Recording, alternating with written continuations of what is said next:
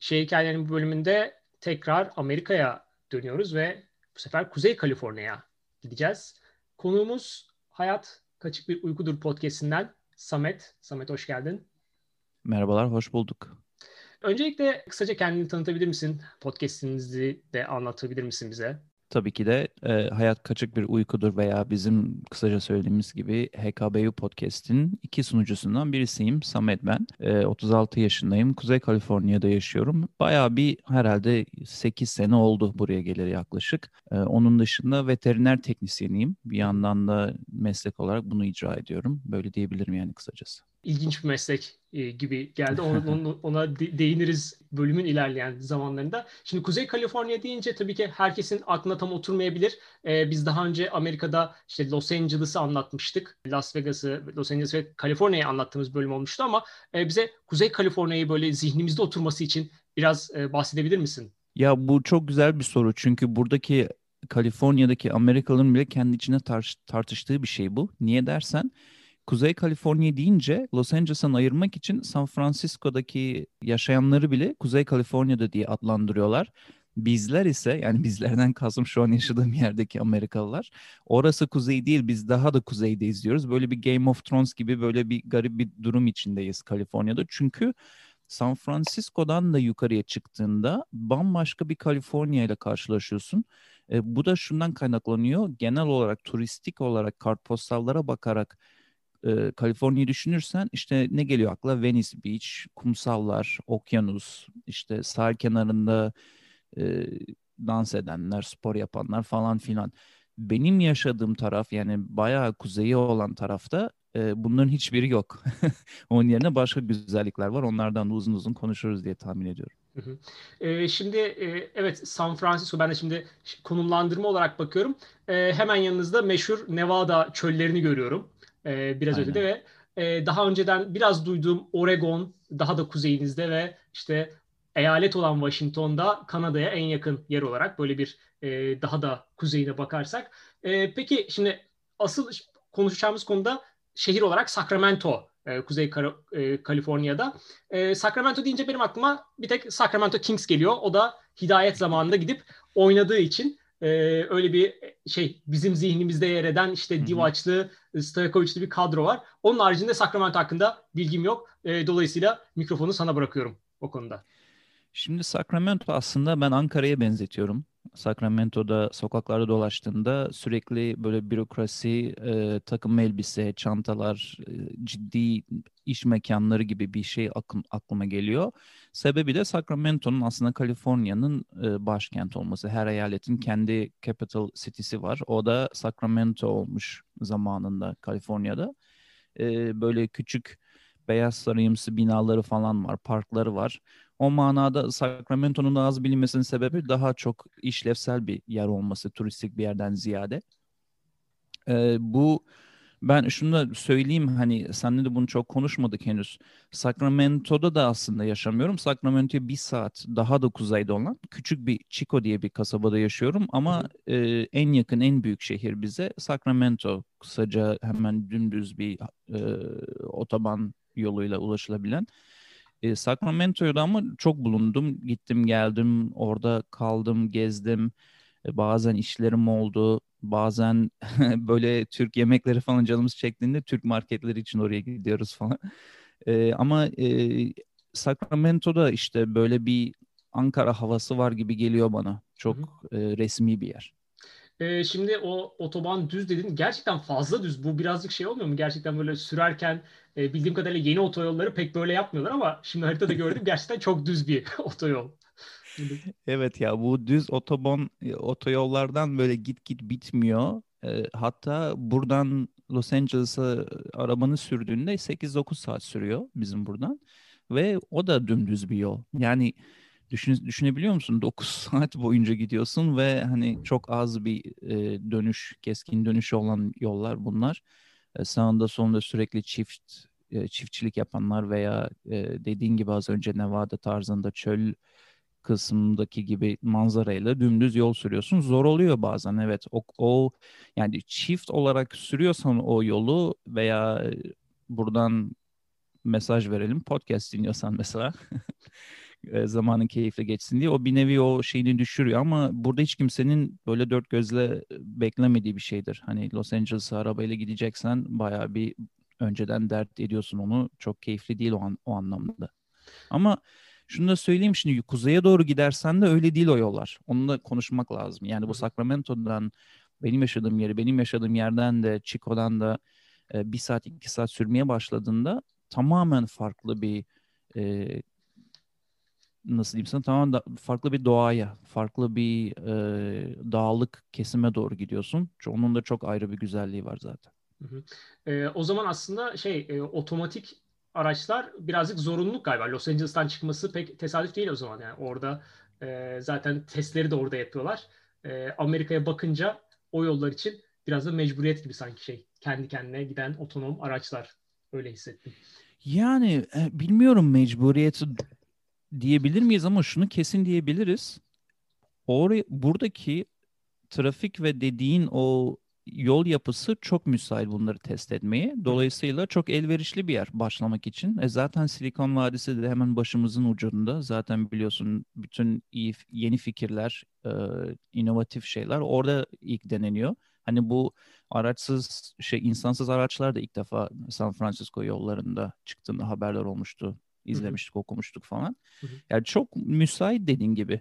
Hı-hı. Bütün yol şeritleri bariz çünkü biliyorsun onların teknolojisinde yol şeritleri çok önemli kameralar için. O şerit değiştirme olsun. E, onların nasıl boyandığı, ne kadar uzunlukta olduğu falan filan. E, otoyollar burada görece çok yeni ve e, iyi, yeni olmasa bile iyi durumda tutulan otoyollar. O yüzden çok elverişli oluyor böyle şeyleri test etmek için. E, peki senin hikayene dönersek e, bir veteriner teknisyeni yolu Sacramento'ya nasıl düşer? Ya bu aslında çok benim için çok ilginç bir hikaye. Çünkü ben veteriner teknisyeni değildim Türkiye'de. Hatta veterinerle ilgili hiçbir şey bilmiyordum.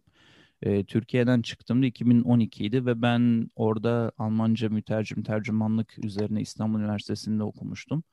E, dille ilgili zaten e, yurt dışına çıktığımda programlar vesilesiyle e, ilk Çek Cumhuriyeti'ne gitmiştim. Orada dil öğretme ve öğrenme e, amacıyla. Ama e, bu aslında şeyin hikayesi.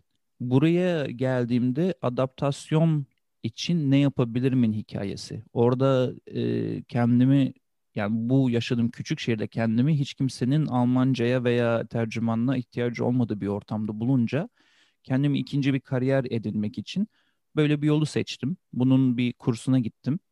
Kursundan sonra e, stajına gittim. Staj yaptığım yerde de işe alındım. Ve aynı yerde işte 6-7 senedir aynı yerdeyim şu anda. Ee, peki burada ilgilendiğin hayvanlar hangileri? Öyle bir şey var mı? Özel uzmanlaştığın ya da yoğun olarak Evet çok ilgilendi. çok güzel bir soru. İlk başlarda okuluna giderken e, köpek, kedi veya küçük hayvanlar diyorlar burada işte small animals e, şeklinde gidiyordum. Daha sonrasında staj ve akabinde daha spesifik bir yere yoğunlaşma oldu. Şu an kedilerin bazında tiroid bezlerini radyasyonla tedavi etme diye çok ilginç böyle spesifik bir alanda çalışıyorum. Ee, kedilere bir çok ufak bir radyasyon veriyoruz. Değişik tipte bir radyasyon. Ee, İngilizce'de radio iodine deniyor. Ee, ve bu onların fazla çalışan tiroid bezlerini e, normal seviyelere düşürüp hayatlarına biraz daha uzun ömür ve rahatlık katıyor. Ee, çok ilginç o zaman gerçekten yani bilmiyordum şeylerde e, kedilere de böyle bir tedavi uyguladıklarını. E, tiroid beziyle ilgili insanlarda bu tedaviyi biliyordum ama kedilerde Aynen. olduğunu duymamıştım. E, peki bu bölgede yani Sacramento'da e, şimdi tam olarak orada yaşamadığını söyledin ama Sacramento'ya gelen birisi nerelere gitsin, ne yapsın orada, nereleri görsün? Ya Sacramento'ya gelen birisi bir kere o bahsettiğim küçük böyle bebek Beyaz Saray tarzı resmi yerlerde hep sürekli çok iyi müzeler var Sacramento'da. Ve bu Kaliforniya'nın tarihine yoğunlaşmış müzeler bunlar. Kaliforniya Gold Rush'tan gelen bir zenginleşmeyle zaten ünlenen bir yer. Yani nedir Gold Rush? Zamanında altın su gibi her yerden çıktığında burada kazıdığında bütün dünyadan göç alıyor çok hızlı bir şekilde. O zamandan kalma bütün bu e, kazıların yapıldığı yerler, kazılar dolayısıyla e, şahlanan şirketler olsun, işte kullanılan aletler, insanların tarihi, e, bütün bunların müzeleri var orada. Çok böyle yine dediğim gibi resmi bir yer gibi olduğu için müze anlamında çok zenginlik var. Ama e, böyle nasıl diyeyim sana Avrupa'da çok bulabildiğin ama Kaliforniya'da çok bulamadığın beer garden, bira bahçeleri gibi yerler de var Sacramento'da. Çok aradığında iyi yerler bulabiliyorsun öyle. Hı hı. Ve bunu kendi podcastimizde de bahsetmiştik. Microbrewery dedikleri, bilmiyorum İngiltere'de, Türkiye'de ne kadar yaygın. E, bu küçük mikro e, birahaneler kendi birasını kendi mekanında üretip de sana sunan birahanelerden çok var Sacramento'da ve bu çok keyifli olabiliyor bira sevenler için. E, şimdi Beer Garden deyince o zaman şey aklıma geldi. Almanların etkisi var mı? Alman göçmenlerin etkisi var mı şehirde? Yani şehirde bilmiyorum ama entertainment yani bu eğlence kısmında var. Yani sırf Alman barı diye gidebildiğin barlar var. Örneğin orada e, Almanların meşhur işte Bratwurst'unu, e, Almanların o büyük bildiğimiz e, çiz, çizme gibi olan bardaktan bira içme kültürünü falan taşıyan barlar var ve bir gardenlar var Sacramento'da. O anlamda evet eğlence sektöründe kesinlikle öyle bir ize rastlayabiliyorsun ve çok keyifli oluyor aslında. Şimdi Amerika'nın geneline baktığımızda işte genel algı ya da böyle filmlerin bize yansıttığı algı hep şeydir böyle işte İtalyan göçmenler, İrlandalı göçmenler ama ben bir istatistik görmüştüm. Aslında Alman göçmenler de Amerika'nın o tarihinde, Amerika Birleşik Devletleri'nin diyelim, o tarihinde çok etmen yani büyük etmenlerden bir tanesi belki de 2. Dünya Savaşı etkisiyle birazcık böyle filmlerde baskılanmış bir göçmen kitlesi olduğunu düşünüyorum. Çünkü ben de işte birayla alakalı birazcık ilgim var. E, o bira geçmişine baktığımda şeye çok şaşırmıştım yani o işte e, Budweiser'ın doğuşu, Amerika'daki Budweiser'ın doğuşu vesaire Alman göçmenlerin çok büyük bir o bira endüstrisinin e, kuruluşunda da etkisi var. Çünkü o birayı bir türlü e, tam istedikleri gibi üretemiyorlar. İşte en sonunda e, mısırı katarak, pirinci katarak vesaireyle e, o Alman saflığına ulaşamasalar da Amerika versiyonunu üretmeyi başarıyorlar. E, o yüzden e, Beer Garden konusu oradan ilgimi çekti biraz. E, şimdi peki... Kesinlikle, kesinlikle Buyurun. katılıyorum. E, çok kısa bir şey anlatmak istiyorum sana. Tabii, küçücük bir kasabada yani benim yaşadığım yerden de küçük bir yerde Paradise diye bir e, kasabada daha iki gün önce bir cenazeye gittim. Hı hı. E, orada burada da biliyorsun kültür farklı hazır karşılaştırıyorken ve anlatıyorken hani e, böyle herkesin ağladığı işte çığlıklar attığı bir ortam değil de kültür olarak şey ortamı var. Hani hep beraber bir araya gelelim bu insanla ilgili mutlu hikayeler anlatalım tadında bir cenaze deyince yani o anlamda bir e, şeydi bir araya gelmeydi. Orada bir kadınla konuşuyordum. Senin dediğine bağlayacağım. Hı hı. Biraz konuştuk İngilizce doğal olarak. Sonrasında aksanın nereden, nerelisin falan dediğinde ben kadına biraz anlattım işte ailem gurbetçiyken İsviçre'de doğmuşum. Sonra Türkiye'ye geçtik, yerleştik falan. Kadın dedi ki ben de İsviçreliyim. Yani biraz böyle aklım almıyor. Bahsettiğim yer herhalde 20 bin kişilik bir kasaba ve kadın İsviçreliydi. O senin bahsettiğin mesela iş yerine gelen insanların soy isimlerine bakıyorum. Çünkü onlara check-in yapıyoruz, onlardan ücret alıyoruz falan.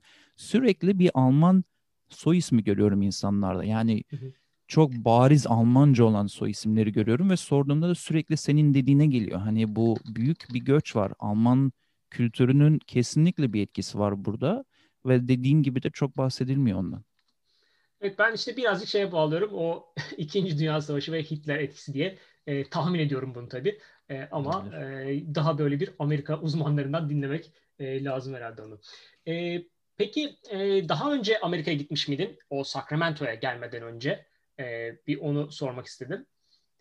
Ben ilk defa işte buraya yerleşmeye geldiğimde geldim ve geldiğimde de e, San Francisco'ya indik hı hı. E, uçakla ve ilk defa gelişim oydu herhalde büyük ihtimalle bir kültür şoku olayına gireceğiz buradan gibi hissediyorum.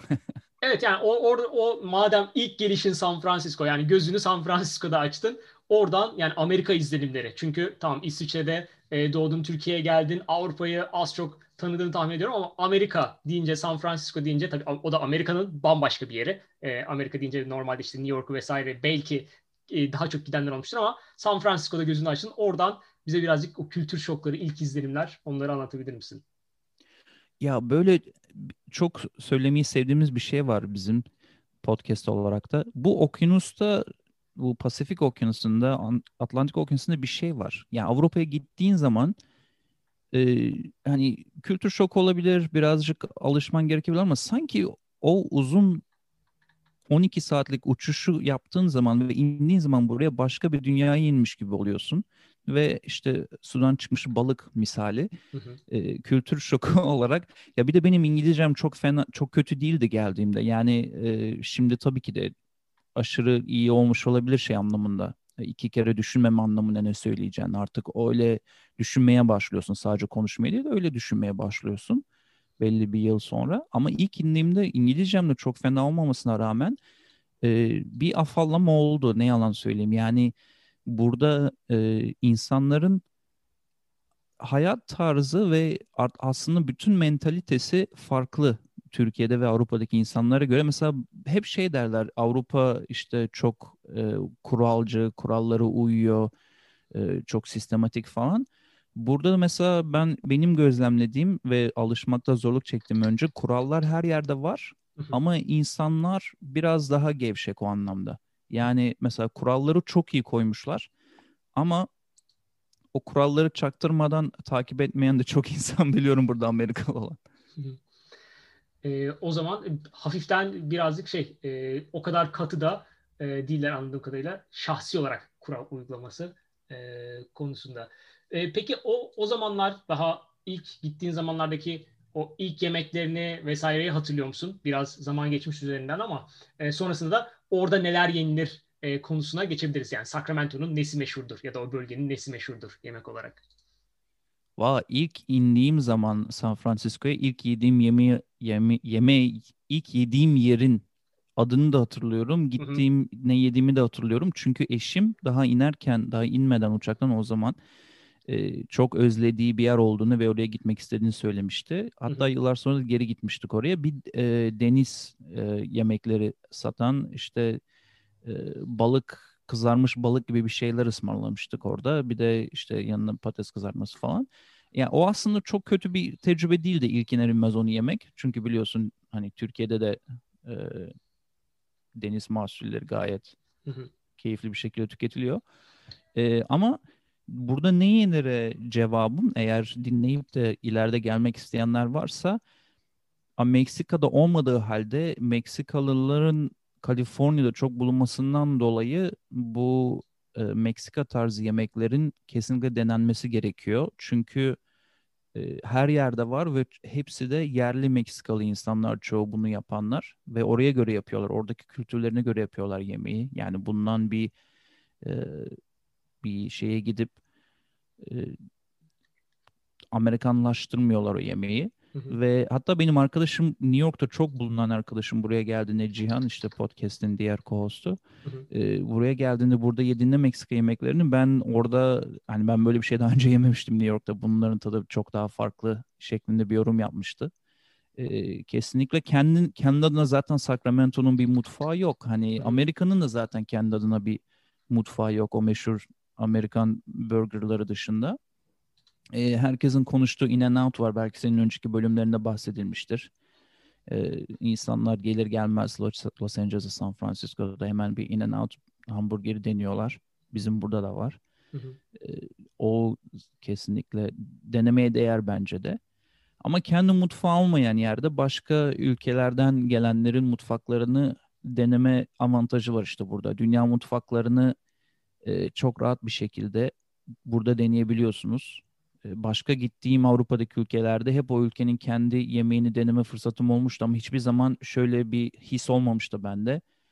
Ee, bulunduğum yerde canım ne istiyorsa dünya mutfağından onu bugün yiyeyim gibi bir lüksünüz olmuyor diğer ülkelerde ama burada öyle bir lüksünüz var. Dolayısıyla buraya gelip mesela Hindistan'dan direkt gelen Hintli birinin Hint yemeğini deneyebiliyorsunuz kendisi yaptığı için ve çok keyifli oluyor öyle şeyler yapmak tabii ki de yani damak tadınızı geliştiriyor kendisine ait bir mutfağı yok deyince tabii ben de İngiltere'de yaşayan birisi olarak bu İngiliz meşhur e, mutfağını hatırlıyorum bir anda. Burada da yani Amerika'da burger diyorsun. Burada da e, size özel ne var diye sorduğumuzda bir tek ancak fish and chips diyorlar. Onu da ben hiçbir zaman böyle bir sevemedim yani. Ne özelliği var anlayamadım açıkçası öyle söyleyeyim. Ama dediğin gibi burada da e, bin bir memleketin yemeği karlar bir, şey, bir şekilde bulunabiliyor. Bence evet bir anda aslında avantaja dönüşmüş oluyor. E, şeyi düşünüyorum Türkiye'de bir Hint yemeği yemek istesen ya da hatta bir e, Çin yemeği, sushi yemek istesen bir anda o lükse kaçıyor. Bir anda böyle bir özel bir yere gitmek durumunda kalıyorsun falan ama işte İngiltere'de, Amerika'da bu e, normal senin böyle sipariş ettiğin takeaway'e dönüşmüş oluyor. O bir anda evet. belki de avantaj oluyor. Yani sokağın başında herhangi bir random herhangi bir rastgele sokağın başında böyle bir yer bulabiliyorsun burada. Tamamen işte öğrencilere veya orta kesime hitap eden Hint mutfağı olabiliyor veya işte Meksika veya Çin neyse. O yüzden çok katılıyorum sana. Peki şu an senin yaşadığın bölgeyle ilgili biz, bizimle paylaşmak istediğin ilginç hikayeler var mıdır? Diğer yerlere geçmeden önce. Yani şunu söyleyeyim.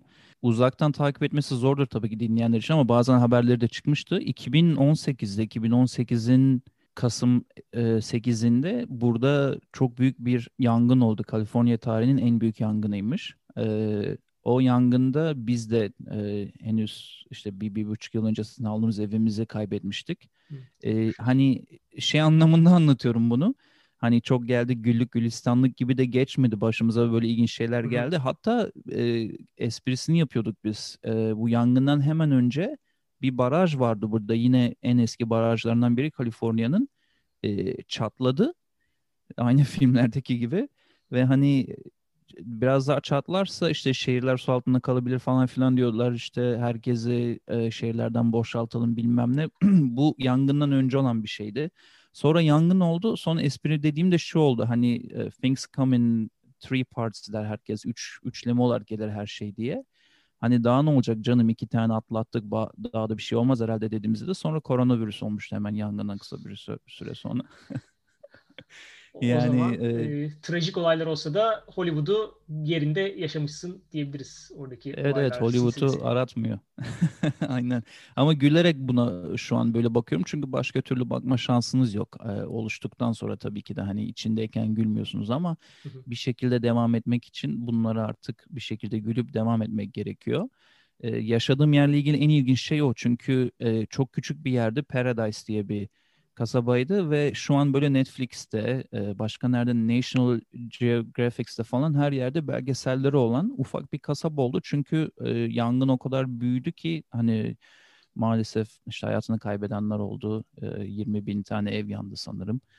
E, böyle çok, e, çok nahoş bir şeyle de biraz anılmış oldu yaşadığımız yer. E, o şekilde yani belki kimsenin duymayacağı yer bir anda bu Aynen. olaylarla meşhur olmuş oldu. Ee, onun dışında daha eğlenceli hikayelerin var mıdır? evet evet yani e, benim çok hoşuma giden bir iki tane şey anlatmak istiyorum. Buradan kuzeye gidince daha da güzelleşiyor demiştik ya. Hı hı. Şimdi e, bu Oregon taraflarını özellikle senin başlarda az birazcık biliyorum dediğin taraflara doğru gittiğinizde ki hani sadece birkaç saatli arabayla burada gidebiliyorsunuz. O kadar kuzeydeyiz yakınız yani.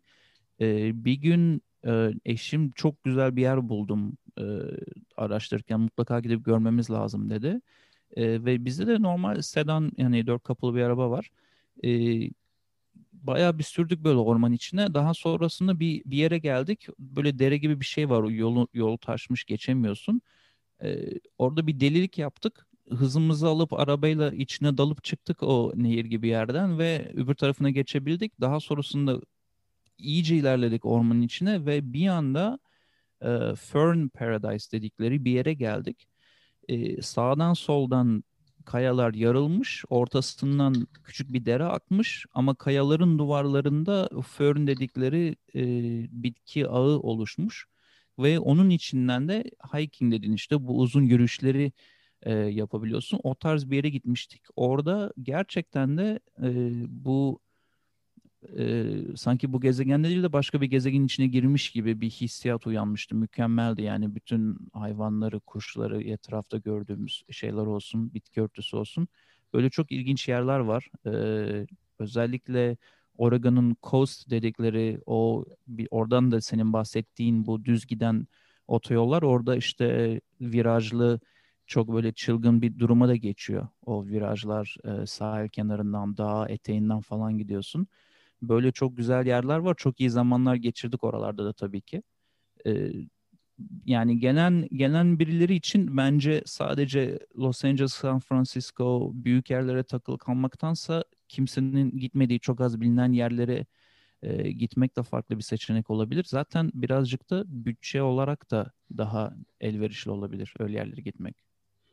E, yani benim Oregon'u bildiğim dediğimde ekşi sözlükte çok sürekli Oregon'u öven e, bir popüler sözlük yazarı var. E, hatta işte hmm. Oregon aslında dünyadaki cennettir gibi iddialarla geliyor ve güzel fotoğraflar paylaşıyor. Oradan e, duymuştum. Senin de söylediklerin e, onun e, söylediklerinin birazcık doğrular nitelikte oldu şimdi. O bahsettiğin değişik doğa e, görüntüleri. Ya Oregon bir de daha ucuz. Bak komik veya komik demeyeyim de e, eğlenceli şeyler var mı aklına dedim. Bir tane aklıma geldi. Sizin önceki bölümlerden birinde bir arkadaş şey diyordu.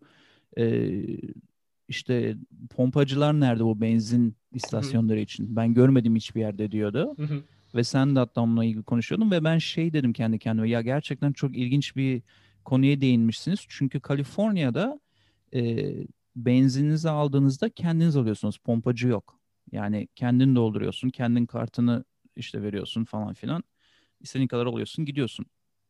Kaliforniya'dan Oregon'a geçtiğinde de e, eyalet sınırı olarak buradan bilmeyen varsa herhangi bir eyalet sınırı falan geçmiyorsun. Yani arabayla giderken bir yanda başka bir eyalette buluyorsun kendini. Hani öyle bir resmi bir geçiş yok. E, biz de oraya geçtiğimizde eşimle e, istasyona girdiğimizde bu pompacılar ayakta dikilmiş bizi bekliyordular. Biz de alışmamışız öyle bir şeye. Yani bayağıdır Kaliforniya'dayız. Arabadan çıkıp adama şey dediğimizi hatırlıyorum. Yani yanlış bir şey mi yaptık? Niye burada beni bekliyorsun? Hayırdır falan. Adam biz öyle konuşunca o da yanlış bir şey yaptı gibi zannedip e, niye arabandan çıktın? Arabanda kalman yeterliydi falan. Çok saçma sapan bir durum oldu. E, sonrasında anladık ki sadece onlar senin için e, Türkiye'deki gibi e, benzini koymuyorlar. Ayrıyetten bir de üstüne güzel bir bahşişle e, maaşlarının üzerine bir de bahşiş alıp yolunu buluyorlar orada. Hı hı. E, öyle bir fark vardı Oregon, Kaliforniya arasında. E, ama tabii eyaletten geçerken kullanma kılavuzu olmadığı için bunları ancak yaşayarak öğreniyorsunuz herhalde. Aynen öyle. E, şimdi peki tekrar geriye aşağılara dönersek. Şimdi benim e, San Francisco bölgesi deyince aklıma bir de e, Napa Valley geliyor. E, oralara gittiniz mi? Oralar hakkında anlatacağın şeyler var mıdır? Yoksa da daha e, San Francisco taraflarına uzanabiliriz. Yok Napa'ya gittim birçok kez. Napa'da e, çok güzel bir yer. Hatta en son gidişim de koronadan hemen önce o e, Şubat ayında olmuştu. E, Napa'nın tabii ki söylemeye gerek yok. Şarabı hani dünya şarabı diye geçiyor. E, o meşhurdur. Zaten her yer şarap evi orada. Her tarafta winery var, wine tasting. E, ama şimdi San Francisco'ya yakın bir yer olduğu için San Francisco'nun varlıklı insanları da Napa'yı hep şey için tercih ediyorlar. Yani hafta sonu kaçama olsun işte sevgililer günü olsun özel günlerde Napa tercih edildiği için Napa'nın inanılmaz bir pahalı e, otel ve yemek durumu var orada. Restoran ve otel durumu var. Hı hı. Ben oraya e, herhalde bir üç kere falan gitmişimdir en az. Ve e, çok güzel şeyler yaptım. Mesela ne yaptım? E, bir e, bir arkadaş, bir zengin bir arkadaş kendine bir şato kurmuş orada sıfırdan. Ve bunu e, Tuscan style yapmış. Yani İtalya'daki Tuscan style yapmış şatoyu başından sonuna kadar tuğlalar oradan getirtirmiş falan filan. Onun içinde işte şarap e, yetiştiriyor. Siz de tur yapabiliyorsunuz. Onların tadına bakabiliyorsunuz. O tarz şeyler yapmıştık. E, bu aklımda kaldı. Diğer aklımda kalan da e, sadece hani şarapla günümüzü doldurmayalım diyerek bir mum yapma kursuna gitmiştim eşimle. E, bir 2-3 saatlik süren. O da çok keyifliydi. Kendi aromanızı, kendi e, mumunuzun rengini, şeklini falan verdiğiniz, sıfırdan mum yarattığınız, e, üstüne de böyle seçtiğiniz bir resmi print edip yapıştırdığınız, kendi markanızmış gibi yarattığınız bir kursa gitmiştik. Çok keyifliydi. Öyle şeyler de yapılıyor. Bir de oranın meşhur treni var Napa'nın. E, yani şarap treni var. E, belli bir ücret ödeyip tren içinde şarabınızı yemeğinizi yerken ayrıyetten o tren yolunun üzerinde olan meşhur şarap evlerinde de durak olarak durup size belli bir süre veriyor. Geziyorsunuz ve yine de e, treninize binip bir sonraki şarap evine gidiyorsunuz şeklinde. E, o da meşhurdur Napa'ya gitmek isteyenler için. E, yani bu anlattıklarında gerçekten çok güzel tecrübeler olarak e, gözüküyor. E, tabii ki böyle e, çok böyle herkesin gitme imkanı olacak bir şey değil ama mesela o bölgeden yani şu şaraptır diyeceğim bir öne çıkan bir şarap var mı senin açından? Yani o kadar ben bu arada çok fazla tüketmem ama o kadar iyi ki şarabı herhalde herhangi bir Napa eğer Napa'dan bir şarap içecekseniz herhangi bir Napa şarabı büyük ihtimalle e, sizi bayağı bir tatmin edecektir diye düşünüyorum. Hı hı. E, şimdi San Francisco'ya doğru inelim mi oralara? O bölgede anlatmak istediklerin olur mu? Ya San Francisco'da şöyle ben orada yaşamadığım için çok fazla anlatamam günlük hayat babında ama bu senin diğer bölümlerinde bahsettikleri Fisherman Wharf olsun, hı hı. E, işte ana cadde Market Street olsun o tarz yerlere gittim hepsine tabii ki de çok güzel yerlerdi. E, az önce bahsettiğimiz bu Alman tarzı bar olarak Schröder's e, bar var orada mesela bakmak isteyenler için çok e, güzel bir yer. Orası da full Alman e, ekolünden e, baz alınmış bir yer orası. E, o tarz yerler var. E, ben de aşağı yukarı aynı şeyler yaptım herkes gibi. Alcatraz'a e, bazıları bilet bulamamış diğer bölümlerde dinlemiştim ama Hı-hı. benim gitme şansım oldu. Şanslıydım Hı-hı. ama nasıl gitme şansım oldu? 3-4 ay öncesinden bilet alıp rezerve etmiştim. Sürekli full çeken bir yer Alcatraz e, kapasitesinden ve denizden botla gidilen bir yer olduğu için sınırlı sayıda insanlar gün aşırı, gün içine gidebiliyor. E, dolayısıyla da bir de nedense dünya e, çapında bir ünlü olduğu için özellikle Japonlar tarafından da çok ziyaret ediliyordu ben gittiğimde. Çok zor bilet bulunuyor e, Alcatraz hapishanesine. E, meşhur bir hapishane, çok ünlü suçlular kalmış. E, gittik, gö- gezdik, gördük. Hani adanın ortasında kocaman bir hapishane gitmeye değer ilgisi olanlar için. O da güzel bir e, aktivite seçeneği ama çok önceden planlayıp biletlerini alması gerekiyor insanların. Hı hı. Peki mesela şimdi Golden Gate Bridge yani filmlerde sürekli böyle gösterilen bir yer. Yani gerçekten özel bir yer mi? Ne işi var o filmde çekenlerin orada? Yoksa Hollywood'a az biraz da olsa yakın olduğu için mi oraya geliyorlar onun dibinde çekmek için? Yani Golden Gate baktığınız zaman gerçekten güzel. Yani hoşunuza gidiyor bakmak ama e, aktivite olarak çok yapabileceğiniz bir şey yok Golden Gate'de. Zaten e, San Francisco'nun o kısmında Golden Gate'in olduğu yerde 7-24 çok rüzgar da var. Hı hı. E, orada Golden Gate'in hemen yanında bir tepe var. O tepeye ücretsiz bir şekilde arabanızı park edip çıkıp resim çekilebiliyorsunuz ve en çok da ben insanların onu yaptığını gördüm veya kendim yaptım veya işte annem babam arkadaşım geldiğinde onları oraya çıkardım böyle bir hatıra olsun köprüyle diye. Çünkü direkt tepeden köprüyü görebiliyorsunuz oradan.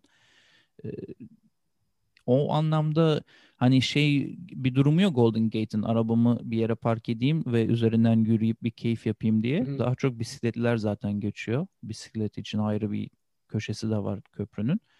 Ama yani tamamen estetik olarak güzel duran bir köprü. Bir diğer tarafında da biraz bir kumsalımsı bir yer de var. Orada da yürüyüş yapan insanlar çok oluyor işte köpekleriyle falan ya sabah spor yapanlar. O köprü manzarası eşliğinde onun dibinden geçmek yani farklı bir durum. Dünya ünlü olduğu için. Zamanında yapılırken sanırım işte dünyanın ilk üçüne giriyordu bu asmalı köprüler e, sıralamasında. Belki oradan ününü alıp gitmiştir. E, tabii ki Gold Rush için de çok önemliydi. E, o altın zamanında bu köprüyü yapmak. Öyle bir durumu var yani. Çok hani Golden Gate için San Francisco'ya gidiyorum diyorsa birisi o biraz hayal kırıklığı olabilir. Ama San Francisco'nun kendi içindeki o e, teknoloji olsun, e, işte inovatif şeyler olsun. Onun için gidiyorsan biraz daha mantıklı. Biz mesela e, Market Street'te yürürken durup dururken kapıları açık içeriye herkesi davet eden bir teknoloji firmasının bir e, gösterimine girebiliyorsunuz. Orada kendi yarattığı e, bazı şeyleri e, sunum yapmışlar ve girip bambaşka bir tecrübe edinip o aletleri deneyip e, bilgiler alıp çıkabiliyorsunuz. Öyle çok e, teknoloji anlamında ilginç bir yer San Francisco. Bir de e, dünyanın en pahalı şehirlerinden biri tabii. o bakımdan da giderken dikkatli olmak gerekiyor. Yani bizim için bile pahalı öyle diyeyim sana. E, Chico'da, e, Sacramento'da yaşamak, yemek, park etmek, kira, restoran bütün bunları yapanlar için bile San Francisco çok daha pahalı bir yer. Şimdi Golden Gate'de e, orada bir tüyo vermiş oldun. Ben de şeyi anladım. Neden sürekli insanların saçları uçuşuyor fotoğraflarda onu anladım. 7-24 rüzgarlı olduğunu söyledin orasının. Çünkü kimi görsem Instagram'da o Golden Gate'den paylaşırken o saçlar uçuşuyordu. E, onu anlamış oldum. E, San Francisco'da herhalde orada o kadar teknoloji firmasında kazananlar çok olduğu için diye düşünüyorum herhalde. Öyle bir şehrin pahalılığı da ondan e, kaynaklanıyor diye sadece bir tahmin yürütüyorum.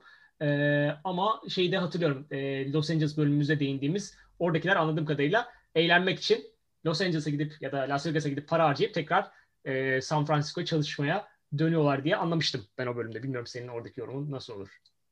Evet evet kesinlikle bu San Francisco tayfası e, Las Vegas, e, Napa az önce bahsettiğimiz yer olsun. Hı hı. E, işte e, Los Angeles, San Diego, e, Malibu bu tarz yerlere gidip çok güzel rahat paralar harcayıp iyi kazandıkları için daha sonra dönüyorlar. Bir de ya pahalılığın sebebi şu dünyanın her tarafında aynı şey. Ne kadar çok insanı az bir yeryüzüne sıkıştırmaya çalışırız yer ölçümüne o kadar çok pahalanıyor. San Francisco'ya mesela biz arabayla gittiğimizde o arabayı bizim oraya park etmemiz tam bir felaket. Yani eğer gün aşırı eğer kalacaksak ertesi güne diyelim bir günlük bir otel ayarladık.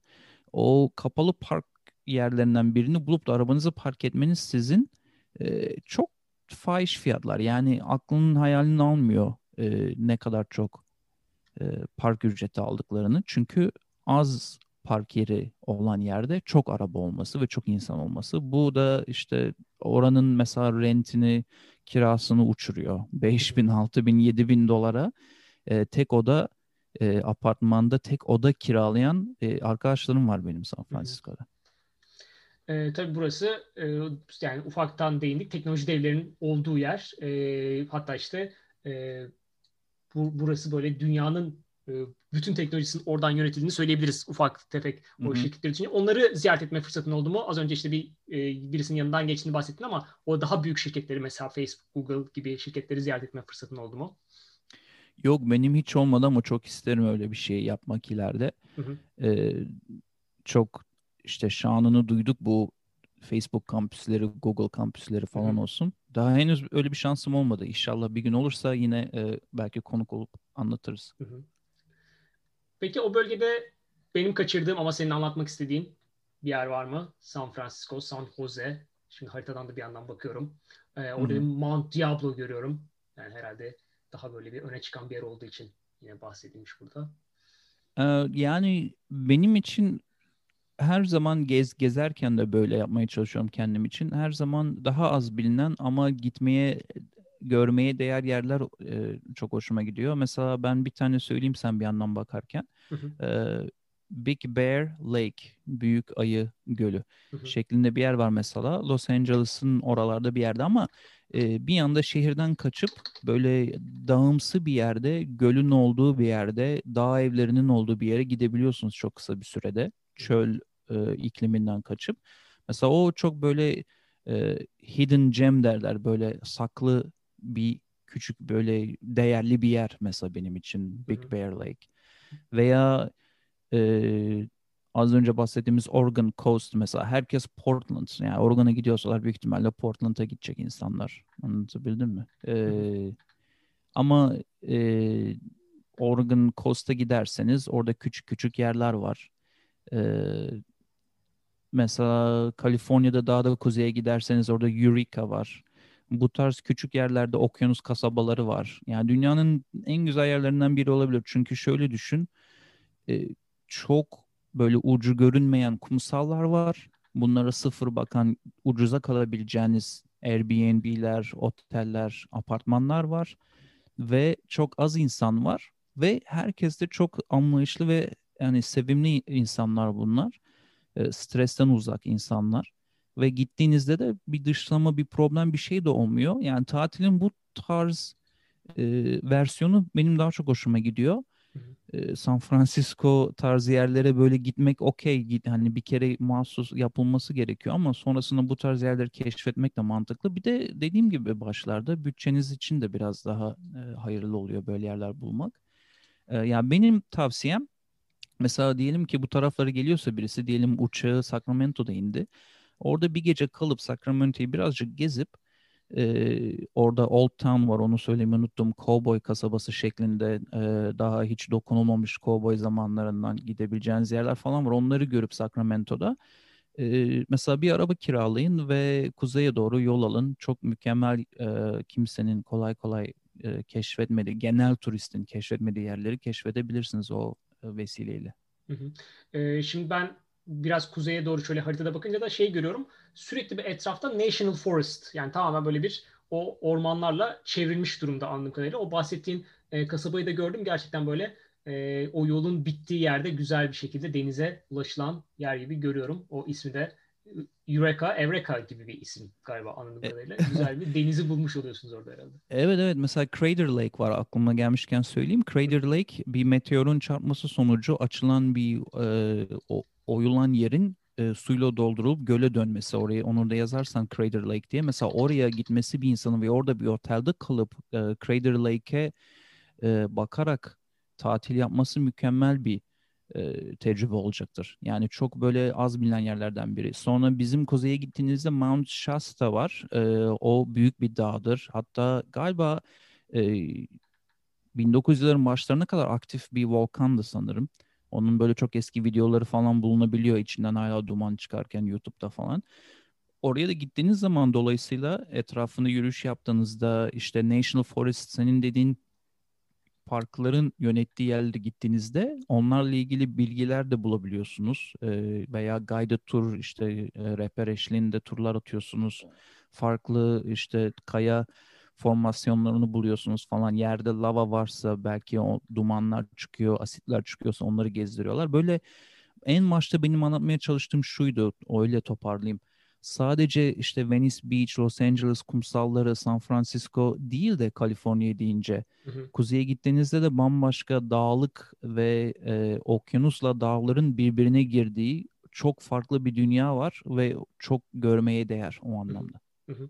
E, şimdi Crater Lake'i buldum. E, yani tam böyle Türkiye'de olsa doldurmalık yani öyle söyleyeyim. şey rant e, otellerde ev, etrafını çevirmelik mi de, demek istedin? Yani şöyle altın falan da olduğu için onu şey define olabilir diye hemen Türkiye'de biliyorsun doldurmuşlardı bir iki böyle gölümüzü. O da öyle benziyor. Evet, ee, evet. Onun haricinde de evet burada gerçekten çok doğaya doğayabileceğiniz yerler olarak görüyorum. Ufaktan şöyle bir Google Maps'ten sadece fotoğraflarına baktığımda bile. Onun haricinde peki yani, kesin gitmesinler dediğin yerler olur mu? Onlara bir değinelim. Yani şimdi... Evet olur. e, Stockton'a gitmesinler mesela.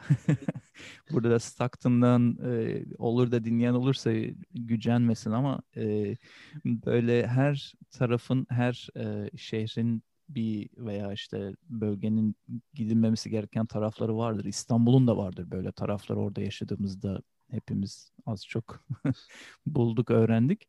Ee, burada da Stockton'a fazla e, insanların gitmemesi e, hayırlı olur. Hani e, turistseniz de geçin gidin otoyoldan durmadan downtown'da diye söyleyebilirim. Tekin değil o taraflar e, Bakersfield, Stockton o taraflara hiç gitmeye gerek yok. Bunlar da tam e, Kaliforniya ortasında bu çöl e, olan yerlerinde işte e, biraz daha az yatırım yapılmış yerleri diyelim Kaliforniya'nın. E şimdi Stockton deyince ben bir anda böyle vahşi batıya düştük diye anladım. Ya vahşi batının izleri var mı hala o bölgede? Öyle bir şey var mı? Şimdi Old Town Sacramento'da söyledin ama böyle bir konsept olarak o, tip, o yerleri yaşatanlar var mı o hikayeyi? Yani çok güzel bir soru. Yani kasaba olarak bunların kaldığını veya kalıp kalmadığını çok bilmiyorum. Ama e, kültür olarak açıkçası onun bir yaşatması artık mümkün olmuyor çok. Hı hı. E, o Sacramento'daki o, o Old Town'da gerçekten her şeyi bir şekilde e, tek yani bütün olarak tutabilmişler. E, orada gerçekten o havayı yaşıyorsunuz. Ama onun dışında ne kadar o kültür veya o yapılar kalmış. Ondan çok emin değilim. Zannetmiyorum benim taraflarımda.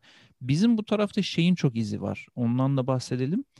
Ee, bu Indian tribe'ları, bu yerlileri, hı hı. Kızılderilileri Amerika'nın bütün Amerika zamanında, bütün Amerika'da vardı. Sadece tek bir tarafında değil. Kaliforniya'da da çok vardı. Bunun izine hala rastlayabiliyorsunuz. Hatta şöyle bir örnek vereyim sana.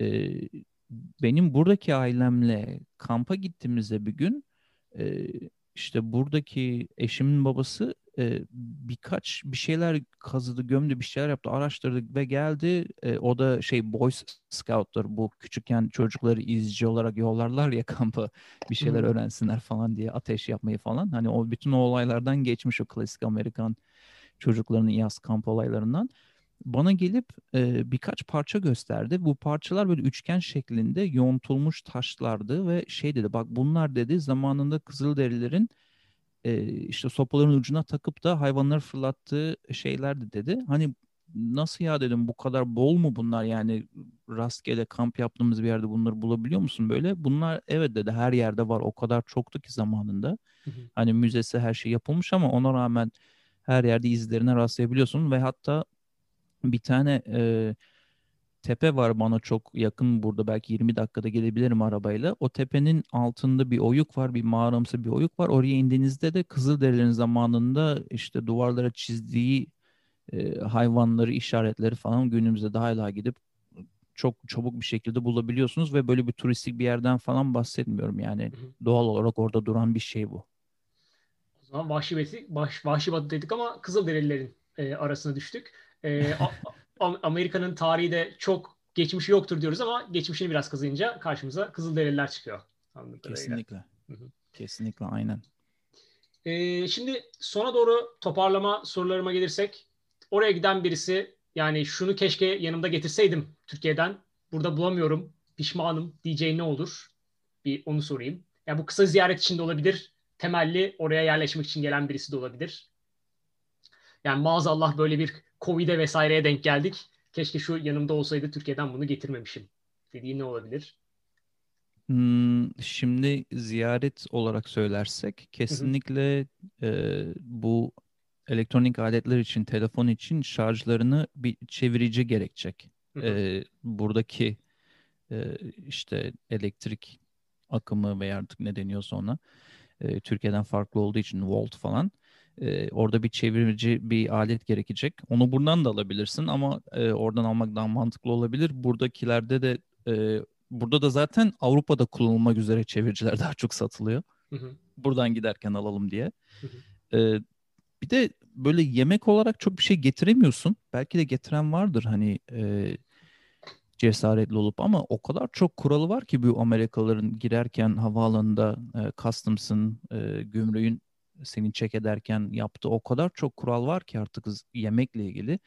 Hani ben eskiden sen öyle deyince benim aklıma hemen yemek gitti. Hani orada olup da burada bulamayacaksın. Çünkü e, zor güzel Türk yemekleri bulmak. Ama hı hı. onları da getiremiyorsun. Dolayısıyla o soruda birazcık tıkanmış hissettim.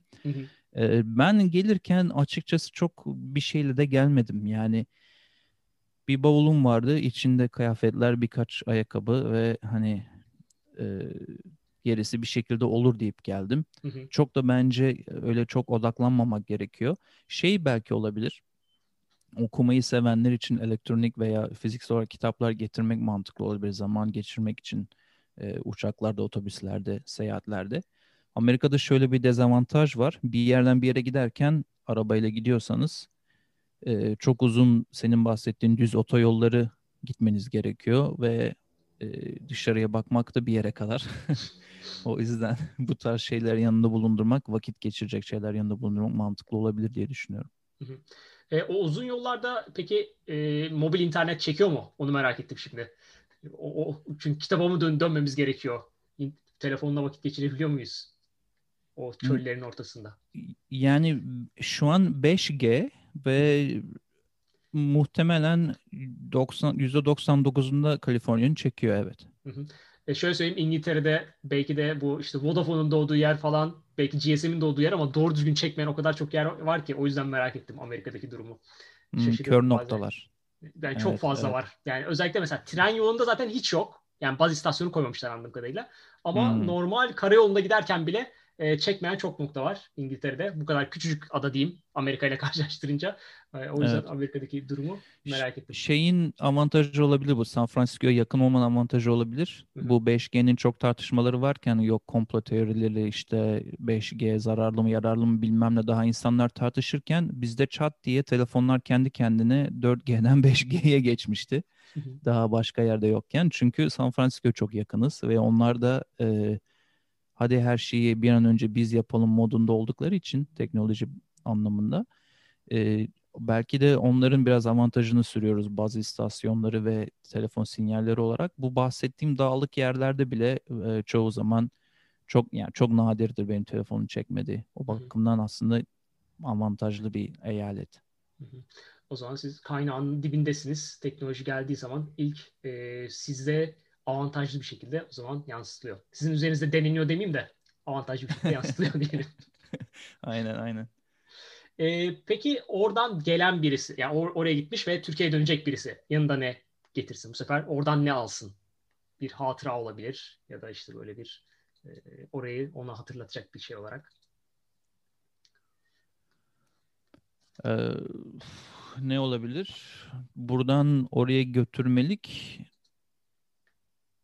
yani büyük ihtimalle en güzel alabileceğiniz şey buradayken kendi yarattığınız e, çektiğiniz resimlerdir diye düşünüyorum. Hı hı. Kendinize özgü bir şey götürmüş olursunuz. Yani mıknatıstı, kartpostaldı bunlar çok klasik şeyler oluyor. Hı hı.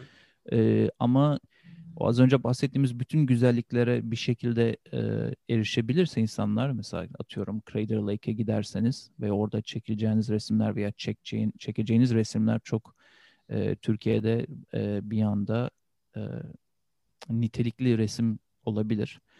E, bu tarz şeyler olabilir. Yani ben kendim üzerinden düşünüyorum tabii ki herkes farklıdır ama ben bu tarz şeyleri ölümsüzleştirmeyi sevdiğim için e, bol bol resim çekip onları geri götürmek olabilir anla anlamında. E, yani turistik olarak ne götürülebilir? Ben mesela diyelim ki ailemi ziyarete geldiğimde ne götürüyorum?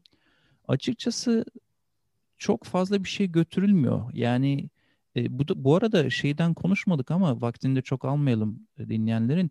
İklim olarak da çok e, Türkiye'ye veya daha doğrusu Trakya tarafındaki iklime çok benzeyen bir iklimi var buranın. E, yetiştirme anlamında nasıl ki orada işte taze domatesler, yeşillikler güzel, e, rahat bir şekilde yetişiyor. Burada da hemen hemen aynı Kaliforniya'nın kendi yemeğinde aynı bolluk var. Hep böyle bir yeşilliğin, sebzenin, meyvenin taze olduğu bir yerdir. Şey götürülebilir ama bak onu söyleyeyim o zaman. Bir tane geldi aklıma. E, buranın bademi çok meşhur. Bütün Hı. dünyaya buradan gidiyor. Ve buradan aldığın zaman da hani kiloyla çok ucuza alabiliyorsunuz. Öyle bir şey götürülebilir diyelim Türkiye'ye.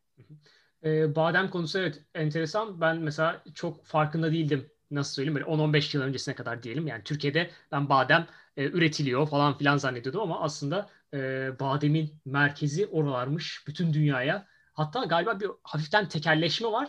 E, şey bile komplo teorisi belki ama e, ülkelere müdahale edildiğini, badem dikmeye çalışanlara e, müdahale edildiğini falan bile e, iddiasını duymuştum. Yani badem ekilme ihtimali olan arazileri satın alıyorlarmış. Öyle bir tekerleşme iddiası duymuştum.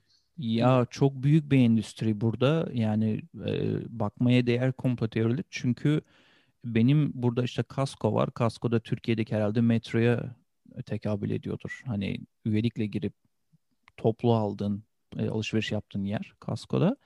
E, bademin tam ortasında olduğumuz için badem e, üretiminin yani inanılmaz büyük boyutta kocaman badem paketlerini paket paket alıyoruz koli koli ve hani 6 7 8 dolar ödüyoruz onlara. Hani o an bir de çok da iyi tadı da güzel. Dediğin kesinlikle doğru. inanılmaz bir üretim var. Bir de şey de var aklıma geldi. Yani bu Türkiye'ye götürmelik anlamında söylemiyorum ama oradan muhabbet açıldığı için e, pirinç olayında da dünyanın bir numara veya iki numarası şöyle garip bir e, bilgi vermişti biri bana bir keresinde. Japonya'nın kendi sushi için kullandığı pirinçleri Japonya, Kaliforniya'dan alıyormuş. Ben de demiştim o kişiye hani niye alıyor kendi teknolojisi durumu hali vakti yerinde üretsin yesin kendi kendine niye fazladan verip Kaliforniya'dan alıyor. Hı hı. E, oradaki insanların yarın insanların Kaliforniya tarzı pirince çok alıştığı ve onu talep ettiğinden dolayı bu hala oraya satılıyormuş çok yüksek meblağda diye duymuştum. Hı hı. E, zaten Japonlar sushi'nin iyisi için yapmayacakları şey yok e, diyebiliyorum. Yani bütün o ton balıkları en iyisi neredeyse onu dünyanın neresindeyse gidip avlıyorlar. Dolayısıyla her şeyin en iyisini bulma konusunda öyle bir iddiaları vardır sushi için. E, badem demişken şey de aklıma geldi. Antep fıstığı. Tabii biz Antep fıstığı diyoruz da işte pistachio. E, o da mesela İngiltere'de ne, ne zaman görsem Kaliforniya diye geçiyor. E, onun da var mıdır? Yani senin bölgende de hala oralara kadar uzanmış mıdır? Antep fıstığı şey, pistachio. Evet evet evet evet kesinlikle. Yani bu e, işte San Francisco'nun yukarı doğru çıktığında mesela ya şöyle söyleyeyim sana bu Chico diye Sacramento diye bahsediyoruz başından beri. E, Chico ile Sacramento arasında bir saat 15 dakika yol var. Ve bu yolun etrafı sadece bunlar var. Başka hiçbir şey göremiyorsunuz. İnanılmaz bir tarım e, şeyinde yaşıyoruz. Hani her tarafta e, yetiştirilen bu tarz ürünlerin sonsuz arsaları var. İnanılmaz büyük bir e, finans olarak geliri o aslında Kaliforniya. Aslında teknoloji bir numara arka kapıda gizli kahramanda bunları yapan çiftçiler diyebiliriz. Yani bunları yetiştiren bu e, fıstıkları, fındıkları, bademleri yetiştiren e, çiftçiler belki de Kaliforniya'nın e, yani bel kemiği çok fazla dile getirilmeyen başka önemli bir e, ekonomik gelirini sağlayan kesim diyebiliriz yani. E, o zaman böyle bir e, işte teknoloji devleriyle işte Golden Gate'lerle altın şeyleriyle başlamıştık ama şu anda aslında e, Kaliforniya'nın bel kemiği çiftçilerdir noktasına e, doğru geldik sanırım sonuna doğru gelirken podcast'in. E, yani üzümü de düşününce işte şarap şeylerini e, Antep fıstığı ve bademe de gelince baya bir çiftçileri ön plana çıkarmış olduk. Evet ama yani gerçekten de hak ediyor. Çok fazla e, verimli topraklar bunlar Hı. ve bu da ekonomisine de yansımış, kültürüne de yansımış. Böyle emekçiye de hakkını vermiş olarak kapatmış oluruz bölümü en azından. e, Antep fıstığına değinmişken Lucifer'ın bir bölümünde, e, Lucifer'da işte biliyorsun Los Angeles'ta geçiyor o dizi bilmiyorum iz, izliyor musun? E, orada bir tane işte nasıl söyleyeyim suçlular diyelim e, fıstık yiyorlardı ve sırf Antep fıstığı yedikleri için ya da pistachio diyorlardı aslında bölümde ama hı hı. onları işte Türko ismini koymuşlardı. Ben de şey şaşırmıştım. Şimdi Kaliforniya fıstığın merkezi. Neden gidip orada Antep fıstığı yiyen kişilere Türk diyorlar. O çok garibime gitmişti. Ee, sen de Kaliforniya'da evet fıstığın e, yerinde de bunun olduğunu tekrar bir e, bize aktarmış oldun. E, o bölümün neden Türko dediler onlara hala onu merak ediyorum. Lucifer'ın o bölümünü birazcık araştırıp onu anlamak istiyorum yani gidip Kaliforniya'da Türko diye adlandırıyorlar fıstık yiyenleri. Bazen buradaki Hollywood yazarlarının e, çok ilginç Türkiye ile bağlantıları oluyor. Bilmiyorum başka yapım yapımlarda da fark ettin mi? E, mesela Narnia günlüklerinde baklava geçer, lokum geçer. Bu tarz böyle Türkiye'ye ufak göndermeler vardır. E, baktığınız zaman da böyle yazarları araştırdığınız zaman da o yazarın ya Türkiye'ye gittiğini ya Türk arkadaşlarla burada Amerika'da büyüdüğünü ya da bir şekilde o kültüre e, etkileşim içinde olduğunu e, anlıyorsunuz işte biyografisinden, röportajından bir şeyinden. Belki de Lucifer'in oradaki yapımcıları, yazarları da bir şekilde bir bağlantı kurdular orada ve Türko diye kullandılar. E, öyle bir e, mantıklı bir açıklaması olabilir derine indiğinizde. E, onunla ilgili bir karikatür de vardı. Bilmiyorum Umut Sarıkaya da olabilir. E, işte şey senaryo yazarken Türk'le ilgili bir şey yok koy. Kesin ilgilerini çekecek diye böyle bir Hollywood'da bir konuşma geçiyor. Çünkü biliyorsun biz hemen radarlarımız açık. Öyle bir şey gördüğümüz anda paylaşıyoruz ve şey. o iyiymiş onu sevdim aynen. Ee, o zaman yani şimdi ek bir bilgi olarak da şey vereyim. İçinde değindik diye söylüyorum. Arada Wikipedia'dan baktım e, Amerika'da Alman göçmenler aslında yani kendilerini öyle tanımlayanlar arasında en yüksek grupmuş. E, 2018'de 44 milyon kişi German American olduğunu söylemiş. Hatta hmm. sen daha iyi telaffuz edeceksindir ama işte Deutsch Amerikaner deniyormuş onlara. E, doğru hmm. telaffuzu sana bırakıyorum e, şeyde. E, ve yani Kaliforniya bölgesinde çok yoğun olmasa da e, Amerika'nın geneline baktığımızda özellikle Orta Kuzey diyeyim o bölgede e, çok daha yoğunlar ama Amerika'nın böyle bir e, Alman göçmen e, şey de var. E, bu şeyde bu bölümümüzde e, böyle değindiğimiz ilginç e, konulardan biri olarak da bu şekilde e, aktarmak istedim bunu.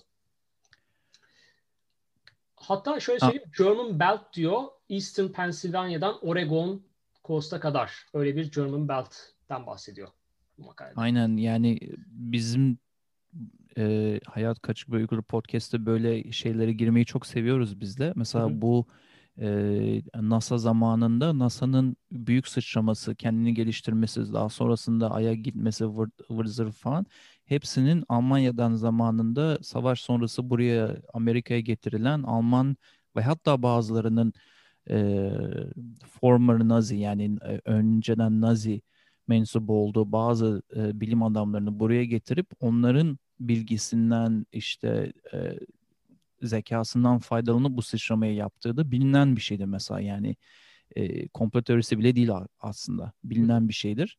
E, Alman kültüründe her zaman e, faydalı tarafını veya işte Amerikan işine yarayacak tarafını alıp buraya getirmesini bilmiş bir e, tarih yatıyor aslında altında. Hı hı. E, o zaman Hayat Kaçık Bir Uykudur podcastini dinlemeyenler için bu bilgiyi de verelim. Daha çok böyle bir belgesel türünde e, diye geçiyor anladığım kadarıyla. Sizin listelerde yer aldığınız kategoride o. Doğru mudur? Yani kategorilere girmek gerçekten çok zor. Ee, özellikle bizim gibi böyle hayatın her tarafında ne ilginçse onu anlatalım diye yola çıktığımız için bazen belgeselde e, bu e, chartlara giriyoruz. Bazen e, society and culture yani işte toplum ve kültürde çok e, listelere girip çıkıyoruz. Bir şeyler oluyor falan. Ben de çok anlamış değilim. Geçenlerde bir e, arkadaş konuktu bizim podcast'te şeyin şakasını yaptı. Bir gün e, kategorileri dolaşıyordum. Sağlık kategorisinde sizi gördüm dedi. ne dedim ki yakından uzaktan hiçbir alakamız yok sağlıkla falan bizim ama demek ki bir iki bölümde bir şeyden bahsettiysek e, atıyorum Elon Musk'ın e, Neuralink'inden mesela hani sağlıkla ilgili aslında o e, ileride Alzheimer'ı şunu bunu bitirmek istediği için yapıyormuş. Belki de oradan podcast chartları bizi bulup sağlık sağlık kategorisine koydu. O yüzden dediğin 3 aşağı 5 yukarı doğru böyle belgesel tadında veya işte yani aklımıza gelen önümüze gelen ilginç bulduğumuz ne varsa anlatmaya çalışıyoruz. Ee, sana da bu vesileyle çok teşekkür ediyorum adını andığın için podcast. Ee, ben teşekkür ederim. Uzun uzun Kuzey Kaliforniya'yı konuştuk ee, bugün Samet'le. Ee, ilgisi olanlar için umarım faydalı bir e, podcast olmuştur. Ee, ve yani o kadar çok değişik yere değindik ki e, gidip de böyle belki hiç aklınıza gelmeyecek yerlere bu sefer oraya yolunuz düştüğünde gitme ilhamını bizden aldığınızı umuyorum. Çok teşekkürler Samet konuk olduğun için ve bunları bizimle paylaştığın için. Ben teşekkür ederim. Herkese sağlıklı, iyi günler diliyorum. Bir dahaki bölümümüzde görüşmek üzere. Teşekkürler.